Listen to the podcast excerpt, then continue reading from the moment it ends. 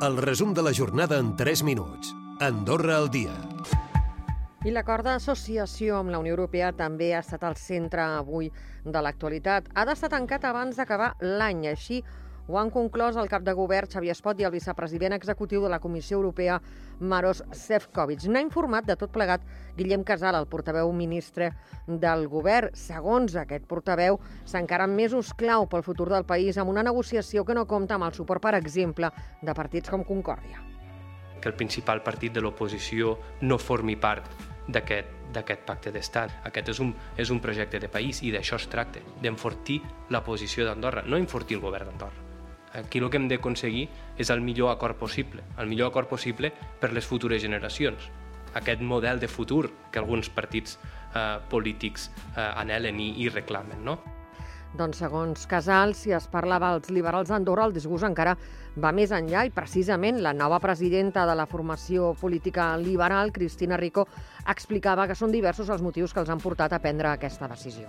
Som un partit eh, petit, que la veritat és que poder treballar en aquest, eh, en aquest pacte, poder aportar, i, doncs, eh, ens suposava problemes, perquè realment tenim, tenim una, una limitació real.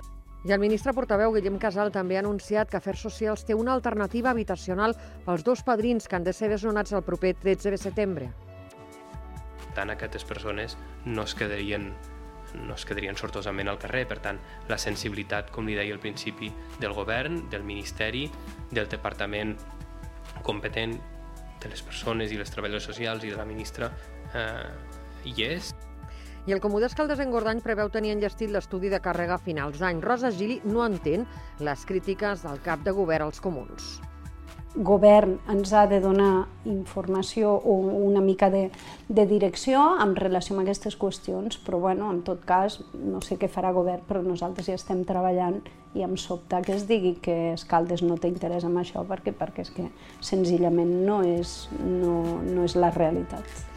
I des de l'Associació de Propietaris de Béns Immobles i des del sector privat s'afirma que el mercat immobiliari s'està estabilitzant i fins i tot baixant tant pel que fa al preu de compra com de lloguer. Escoltem el CEO d'Auger Holding Group, Pere Auger amb una pujada de tipus que ha fet doncs, que juntament doncs, amb la disminució de la demanda doncs, que els preus comencin a baixar, eh, hi ha una tendència doncs, a que aquests preus baixin, hi ha una tendència a que, a que hi hagi menys demanda, eh, això ho han dit tots els immobiliaris els últims mesos, i avui s'ha presentat la nova temporada de ràdio i televisió d'Andorra. D'aquesta nova temporada que comença dilluns 11 de setembre en parlava la directora general Imma Jiménez. Som un mitjà públic, tenim vocació de servei i en aquest sentit volem donar més veu al ciutadà i, i mostrar les diferents realitats que hi ha al país.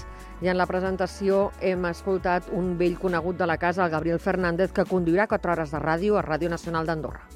Crec que hem de fer un matí eh, informatiu, eh, que tingui també entreteniment i que sobretot sigui un matí del que els ciutadans d'Andorra eh, se sentin orgullosos. La meva idea és que el país passi per 4 hores de ràdio a tots els nivells.